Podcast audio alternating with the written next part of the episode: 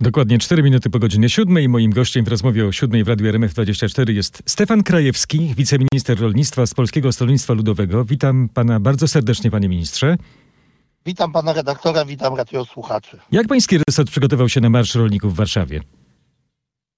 No tutaj resort y, jest przygotowany na to, żeby rozmawiać się z rolnikami, na to, żeby realizować te postulaty, które oczywiście w części są zależne od samego resortu, w części od polskiego rządu, a w części od Komisji Europejskiej. Więc tutaj te rozmowy z rolnikami trwają tak naprawdę od pierwszego dnia, kiedy przyjęliśmy władzę w Polsce a rozpoczęły się tak naprawdę już w listopadzie 2000. Tak, ale to jest historia. Czy dzisiaj podejmiecie jakąś próbę spotkania z liderami protestów w stolicy? Jeżeli liderzy wyrażą taką zgodę, e, taką chęć e, spotkania, to oczywiście taką zgodę wyrażamy. A trwają jakieś rozmowy? Bo będzie spotkanie z marszałkiem Sejmu e, Hołownią, a z ministrem tak, rolnictwa na przykład? My jesteśmy umówieni z liderami na czwartek, mają się odbywać rozmowy w resorcie. Jeżeli będą Czyli w czwartek, nie dzisiaj jeżeli dzisiaj będzie e, chęć ze strony liderów, żeby się z nami spotkać, jesteśmy oczywiście do dyspozycji. Ja e, w wielu miejscach w Polsce, zresztą całe kierownictwo, poczynając od pana ministra Czesława Siekierskiego, poprzez każdego członka kierownictwa resortu, spotykaliśmy się z rolnikami na protestach. A co wy macie tak naprawdę do zaproponowania rolnikom? E, panie redaktorze, rolnicy oczekują dwóch e, rzeczy. Pierwsza to jest zablokowanie importu produktów e, rolno-spożywczych, które płyną z Ukrainy. Nie mówię mm, o tych produktach objętych embargiem, ale pozostałych, które w jakiś sposób psują relacje na rynku. Druga rzecz to wyrzucenie Europejskiego Zielonego Ładu do kosza. No i tutaj też widzimy, że rolnicy w całej Europie protestują przeciw Europejskiemu Zielonemu Ładowi. E, no wczoraj widzieliśmy bardzo niepokojące e, te mm, relacje. Z Brukseli. Chociażby z Brukseli, z Madrytu. Widać, mhm. że rolnicy w całej Unii Europejskiej coraz bardziej przeciwstawiają się tym nieracjonalnym często zapisom, których z jednej strony nie mogą wypełnić, z drugiej strony one bardzo mocno podnoszą koszty produkcji, tak, to zielony, to zielony ład. A trzecia, trzecia sprawa? Wojna. Trzecia sprawa? A trze trzecia sprawa tak naprawdę, o której e, rozmawiamy, to brak opłacalności e, w rolnictwie, ale to jest tak, tak naprawdę wynikiem tych, tych dwóch pierwszych e, kwestii, o których mówiłem. Rolnicy mają dzisiaj nadwyżkę zboża wyprodukowanego w poprzednich latach. Tu mówimy o ponad 9 milionach ton, które mm, jest w polskich magazynach spichlerzach, e, e, silosach. Jaki macie pomysł na te 9, 9 milionów ton? Jaki macie pomysł na to? Co z tym Tam zbożem zrobić? sobie z tym, z tym e, tematem nie poradzimy, to musi być zaangażowanie całej e, Unii Europejskiej, bo nadwyżka w Unii Europejskiej to 28 milionów ton, czyli 30% całości jest w Polsce.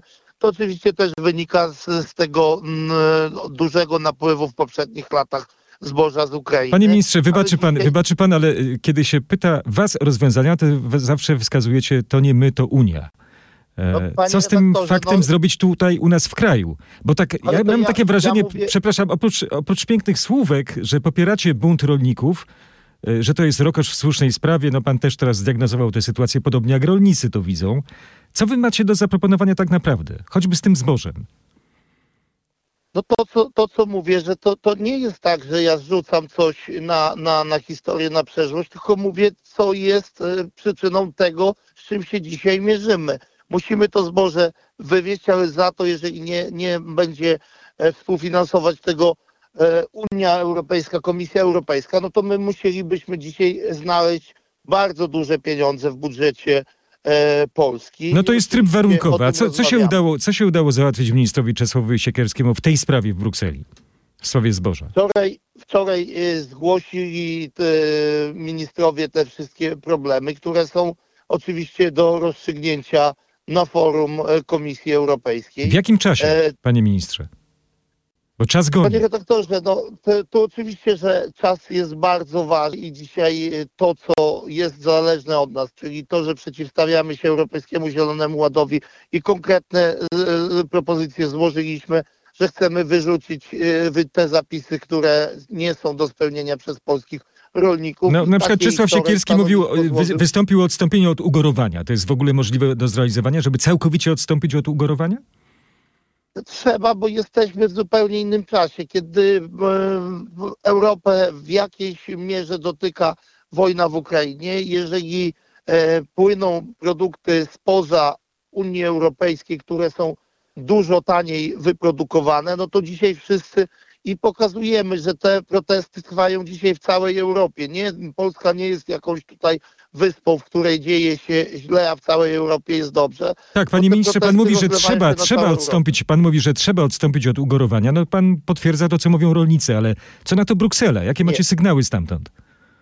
Chcemy, żeby była w, ty, w, tym roku derogacja, tak jak w 23 roku była, czyli odstąpienie tak. i trzeba wsiąść mhm. do, do, do zmiany Europejskiego Zielonego Ładu który został przekazany Brukseli jako Krajowy Plan Strategiczny, jako rządowy plan polski. My od pierwszego dnia, kiedy przejęliśmy władzę, chcemy uprościć to, wyrzucić te nieracjonalne zapisy mhm. i takie kolejne pisma są kierowane do Komisji no może, może konkretnie o tym, o tym ugorowaniu jeszcze powiedzmy, bo chcecie go zastąpić formą ekoschematu, prawda? Więc dobrowolności. Na czym by to miało polegać? Jaki jest sygnał z Brukseli w tej sprawie?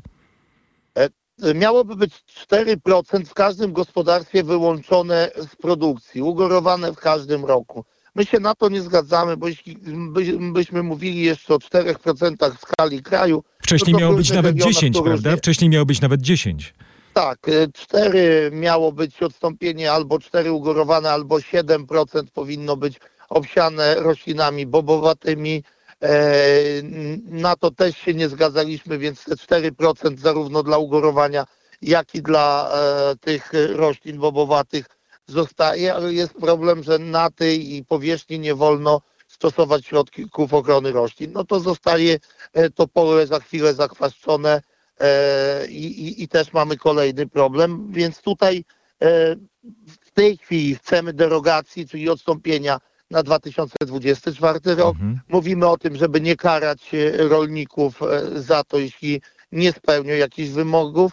E, odstępujemy od tego przesyłania geotakowanych zdjęć, a chcemy, żeby rolnik tylko składał oświadczenie, bo rolnik najlepiej wie, jaki zabieg ma przeprowadzić w danym momencie, jak ten kalendarz wygląda. Ja się, ja się panie ministrze no... zastanawiam, czy to nie jest swoisty zabieg polityczny, bo derogacja no to jest odstąpienie na jakiś czas i potem co? Potem będzie odstąpienie od ugorowania w ogóle, czy raczej przywrócenie tego, co, co jest?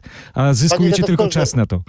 Europejski Zielony Ład e, wymaga rewizji i zmiany, wyrzucenia tych wszystkich i dzisiaj to zaczęło docierać do coraz większej grupy polityków e, w Brukseli, którzy widzą, że w całej Europie rolnicy przeciwko temu się buntują. To jest e, oczywiście rozwiązanie w tej chwili na 2024 rok, żeby już przyjmując nowe wnioski w, nowym, w nowej kampanii można było e, na nowych zasadach te wnioski złożyć.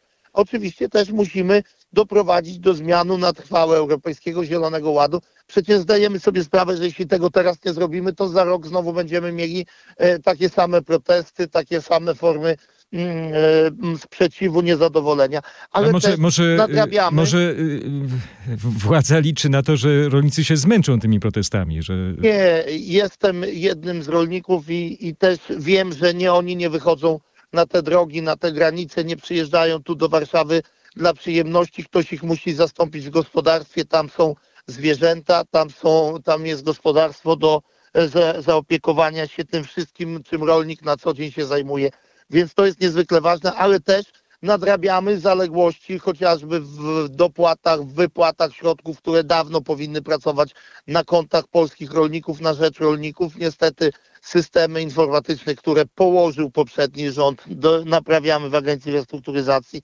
i te dopłaty już ruszają, trwają naliczenia w ramach ekoschematów, w ramach płatności bezpośrednich. Od 5 e, marca pełną parą ruszą wypłaty już będą realizowane. A co z embargiem, co z embargiem na produkty rolne z Ukrainy? Oczywiście zdając sobie sprawę, że byłby to problem dla Polski zamknięcie zupełne granicy, ale mówimy o uszczelnieniu tych granic, o tym, że produkty, które nie spełniają norm bądź są najzwyczajniej w świecie zepsute, popsute, nie powinny mieć prawa wjechać do Polski. Ja bezpośrednio nadzoruję e, Główny Inspektorat Jakości e, Artykułów Rolno-Spożywczych, więc tutaj są decyzje wydawane, wstrzymywane transporty. Ale, ale wy, wy walczycie dalej, nadal walczycie o to embargo, czy już położyliście sprawę? Mówimy o, o takich przywróceniu normalnych relacji handlowych, bo mówimy, że e, tranzyt, tylko tranzyt pod, pod kontrolą, który wyjeżdża i wyjeżdża nie tylko z Polski, ale z Europy, on powinien być kontynuowany, bo te produkty powinny pojechać do krajów trzecich tam, gdzie jest, e, są tak. one oczekiwane. Panie ministrze, ja pana ale... o to pytam, dlatego że, dlatego, że y, poseł Prawa i Sprawiedliwości Waldemar Buda y, zadaje takie pytanie, czy brak embarga na produkty rolne z Ukrainy został przez was przehandlowany za Krajowy Plan Odbudowy? Nie, e, embargo cały czas trwa na te e, produkty, na które wprowadził embargo pan minister Buda czyli pszenica, kukurydza, rzepak i, i, i słonecznik, e, więc tutaj e, nic się nie zmieniło. Żadnego, Natomiast... Do żadnego takiego, że tak powiem e, kolokwialnie, dealu nie doszło, tak? Natomiast dzisiaj pan minister Buda czy inni mm, politycy Prawa i Sprawiedliwości mówią, że trzeba embarga na wszystkie produkty, to zapytam, czemu nie mieli tyle odwagi i nie wprowadzili takiego embarga, kiedy podejmowali decyzję o embargu. Wiadomo, że też... No jednak e, blokowali bardzo te, mocno, tak. Mhm. Ale też musimy sobie zdawać sprawę z tego, że handel odbywa się w obie strony. Produkty, czy produkty mleczarskie, czy inne produkty spożywcze z Polski jadą e, na Ukrainę, ale nie tylko to, bo przecież e, w bilansie handlowym jesteśmy in plus. Czyli, więc... Przepraszam, czy ja dobrze zrozumiałem? Pan sugeruje, że Ukraina nie jest dla nas żadnym zagrożeniem? Nie, no dlatego mówię, że trzeba te relacje mm, unormować, ale nie, nie, nie damy rady zupełnie zamknąć granicy, bo jeżeli nie, wie, nie wiedzie nic z Ukrainy, no to też w drugą stronę też będziemy mieli problem. Przecież słyszymy zapowiedzi różnych polityków ukraińskich. Nie zgadzamy się też na to, żeby szkalować Polskę czy szkalować rolników, bo oni e, o swoje się upominają i też e, walczą. A jeżeli były formy jakieś e, na tych protestach, prowokacji, to oczywiście na to nie, nie możemy się zgodzić i mówić, że to jest oficjalne stanowisko polskich rolników. Tak, rolnicy się zresztą odcinają od tych transparentów, od tych właśnie no, prowokacji, tak, jak pan my to, my to doskonale rozumiemy, ale musimy te relacje unormować. Pomagaliśmy i pomagaliśmy tyle Ukrainie, że dzisiaj nie warto by było to wszystko przekreślić. Oczywiście od początku też mówimy, że pomoc Ukrainie tak, ale nie kosztem polskich rolników, nie mhm. kosztem polskich przedsiębiorców. Ale czy to jest w ogóle możliwe, proszę pana, w, w, myśl tego, co się dzieje w Unii? Popatrzmy na sprawę y, z, może z lotu ptaka troszkę. Jak pan widzi przyszłość w ogóle rolnictwa w Unii Europejskiej i y, Ukrainy? I jak, jak to ma być rozwiązane? O, o, stwórzmy taki obraz, żeby wszyscy to zrozumieli. Europejski Zielony Ład był przygotowywany wtedy, kiedy nie było wojny w Ukrainie, kiedy mm, Unia Europejska mówiła, że musimy sobie coraz bardziej poprzeczkę podnosić e, ze względu na e, te kwestie środowiskowe, klimatyczne. Sytuacja się zmieniła, bo wojna tak naprawdę wywróciła do góry nogami wszystkie nasze plany, pomysły na przyszłość no ale plany właśnie się nie zmieniają, bo plany pozostały pomimo zmiany warunków, prawda? No dlatego są te protesty no nie, przeciwko ale, Zielonemu Ładowi.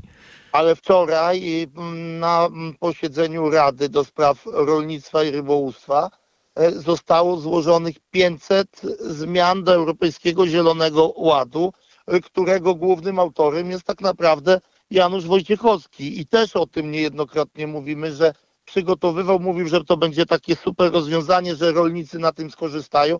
No ale w kwestii ugorowania na przykład wywalczy, wywalczył, że to ugorowanie będzie jednak miało mniejszy procent, prawda? No dobrze, że się wycofuje po trosze z tych nieracjonalnych zapisów. Jesteśmy za tym i tutaj pan minister e, Czesław Siekierski rozmawiał niejednokrotnie z komisarzem e, na ten temat. Dzisiaj musimy zbudować e, koalicję w Unii Europejskiej państw, które chcą tego uproszczenia, chcą tych zmian Czy to, będzie koalicja, czy to będzie koalicja, panie ministrze, która będzie broniła indywidualnego rolnictwa, takiego tradycyjnego, oczywiście z, z, z wszelkimi tutaj ym, no, dostosowaniami się do pewnych, do pewnych rygorów, które są, prawda? Natomiast no tak, no, bo... Y, to jest gra o to, czy w ogóle indywidualne rolnictwo się zachowa, prawda? Czy, czy nie będą tylko takie wielkie latyfundia na Ukrainie, które będą rezerwuarem tutaj y, plonów, i Unia Europejska, która właściwie zniszczy poprzez te dyrektywy rolnictwo u siebie.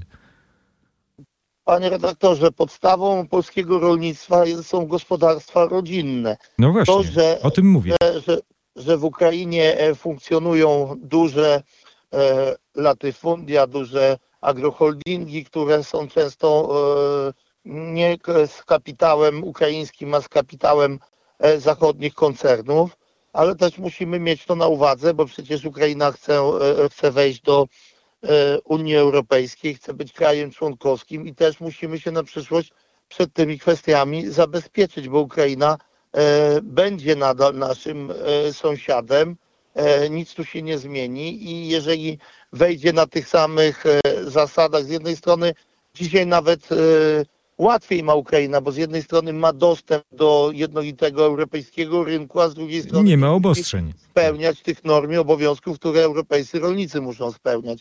I poza tym, poza tym tam sporo jest tych, spo, sporo ogromnych, ogromnych areałów w rękach y, prywatnych właścicieli, prawda? I bardzo często te, te wielkie koncerny są zarejestrowane y, w rejach podatkowych, więc y, no to Dokładnie jest... tak, a koszty wytworzenia są dużo niższe jak e, w krajach Unii Europejskiej. Oczywiście też... Czy, czy ja y, zadam pytanie wprost, panie ministrze, czy Unia Europejska prowadzi samobójczą politykę? E, po trosze tak, bo jeśli, jeśli z jednej strony podnosi się ciągle mm, te wymagania i zobowiązania europejskim rolnikom, a z drugiej strony wpuszcza się e, produkty z krajów trzecich, i tylko nie mówię o Ukrainie, bo przecież umowy handlowe z Mercosurem, e, czyli Ameryka Południowa, Nowa Zelandia, Azja i te produkty dużo taniej wyprodukowane e, trafiają na europejski rynek. Też nie bez znaczenia jest zaangażowanie Rosji, bo Rosja miała dobre mm, plony, dobre zbiory i te wszystkie produkty też e, trafiają z różnych kierunków na europejski rynek, które zakłócają relacje handlowe. Przecież słyszymy o cukrze, który wjeżdża w nadmiarowy dzisiaj sposób do Europy z Indii, tak. E, z Brazylii, a tak naprawdę to są te kraje zrzeszone w BRICS-ie razem z Rosją, z Chinami. No, szefowa Izby Zbożowo-Paszowej Monika Piątkowska wczoraj w naszym programie w RMF24 stwierdziła, że, że tanie zboża na giełdach to efekt manipulacji Rosjan e, sprzedające po dumpingowych cenach, więc, więc ten wpływ jest ogromny tutaj. Rosja e, w różny sposób e, walczy i z jednej strony z Ukrainą, z drugiej strony z Europą, bo przecież i e, ta wojna hybrydowa, z którą mieliśmy do czynienia na granicy polsko-białoruskiej i dzisiaj te towary, które napływają, które po cenach dumpingowych są wrzucane na, mówiąc kolokwialnie, na europejski rynek czy na światowy rynek, one te relacje psują. To, to też widzimy czy ceny na Matiwie na, na rynkach światowych, one są e, porównywalne do tych, które obowiązują u nas. I dzisiaj rolnicy e, z jednej strony nie mają gdzie sprzedawać tych zapasów zboża, z drugiej strony no nie mogą sprzedać poniżej kosztów wytworzenia, bo, bo, bo, bo tego nie dźwigną. Więc jeżeli nie będzie tego dodatkowego wsparcia, czy to z budżetu krajowego, czy to z budżetu unijnego, rolnicy sami sobie z tym problemem nie poradzą. Myśli, myśli pan, myśli pan dzisiaj... że wy uzyskacie wsparcie wyborcze, y, mówię o Polskim Stronnictwie Ludowym, mm, poprzez waszą politykę obecną, właśnie rolników? To niezależnie od kalendarza wyborczego, bo ciągle mamy jakieś wybory, musimy wspierać polskich rolników, polskie rolnictwo. Jest to bardzo ważny e, segment naszej całej gospodarki. Przecież wartość eksportu produktów rolnych to jest e, ponad 200 miliardów złotych. Ogromne pieniądze, które trafiają do nas i o to musimy dbać. Ale też dzisiaj możemy sięgnąć po środki z KPO, bo e, PiS zamiast budować porty zbożowe skupił się na budowie CPK czy innych inwestycjach, które nie mówię, że nie są potrzebne, ale mogłyby poczekać. Natomiast kwestii e, obrotu zbożem portów zbożowych nie zostało zrobione nic. I dzisiaj e, dławi się Polska tym zbożem, które ma e, w zapasie. Tranzytem przejeżdża zboże ukraińskie e, cały czas. Myśli pan, że taką retoryką może pan skłoni wyborców, rolników, wyborców na wsi na, do zagłosowania Ale- na was? Panie redaktorze, ja nie patrzę naprawdę tylko przez pryzmat tego, kto jak głosuje, bo jestem jednym z, rolników, oczywiście dzisiaj mniej czynnym ze względu na to, że mam inne obowiązki, ale z, z, z wsią, z rolnictwem jestem ciągle związany i to się nie zmienia. I dzisiaj musimy znaleźć rozwiązania, bo przecież tak samo na tych protestach byli, było moje rodzeństwo, byli moi sąsiedzi, byli moi znajomi i tu się nic nie zmienia. Stefan Krajewski, wiceminister rolnictwa z Polskiego Stronnictwa Ludowego, był gościem porannego programu w radiu RMF24. Bardzo serdecznie panu dziękujemy za tę rozmowę, Dziękuję panie bardzo ministrze. i życzę wszystkim spokojnego dnia. Wzajemnie. Kłaniamy się.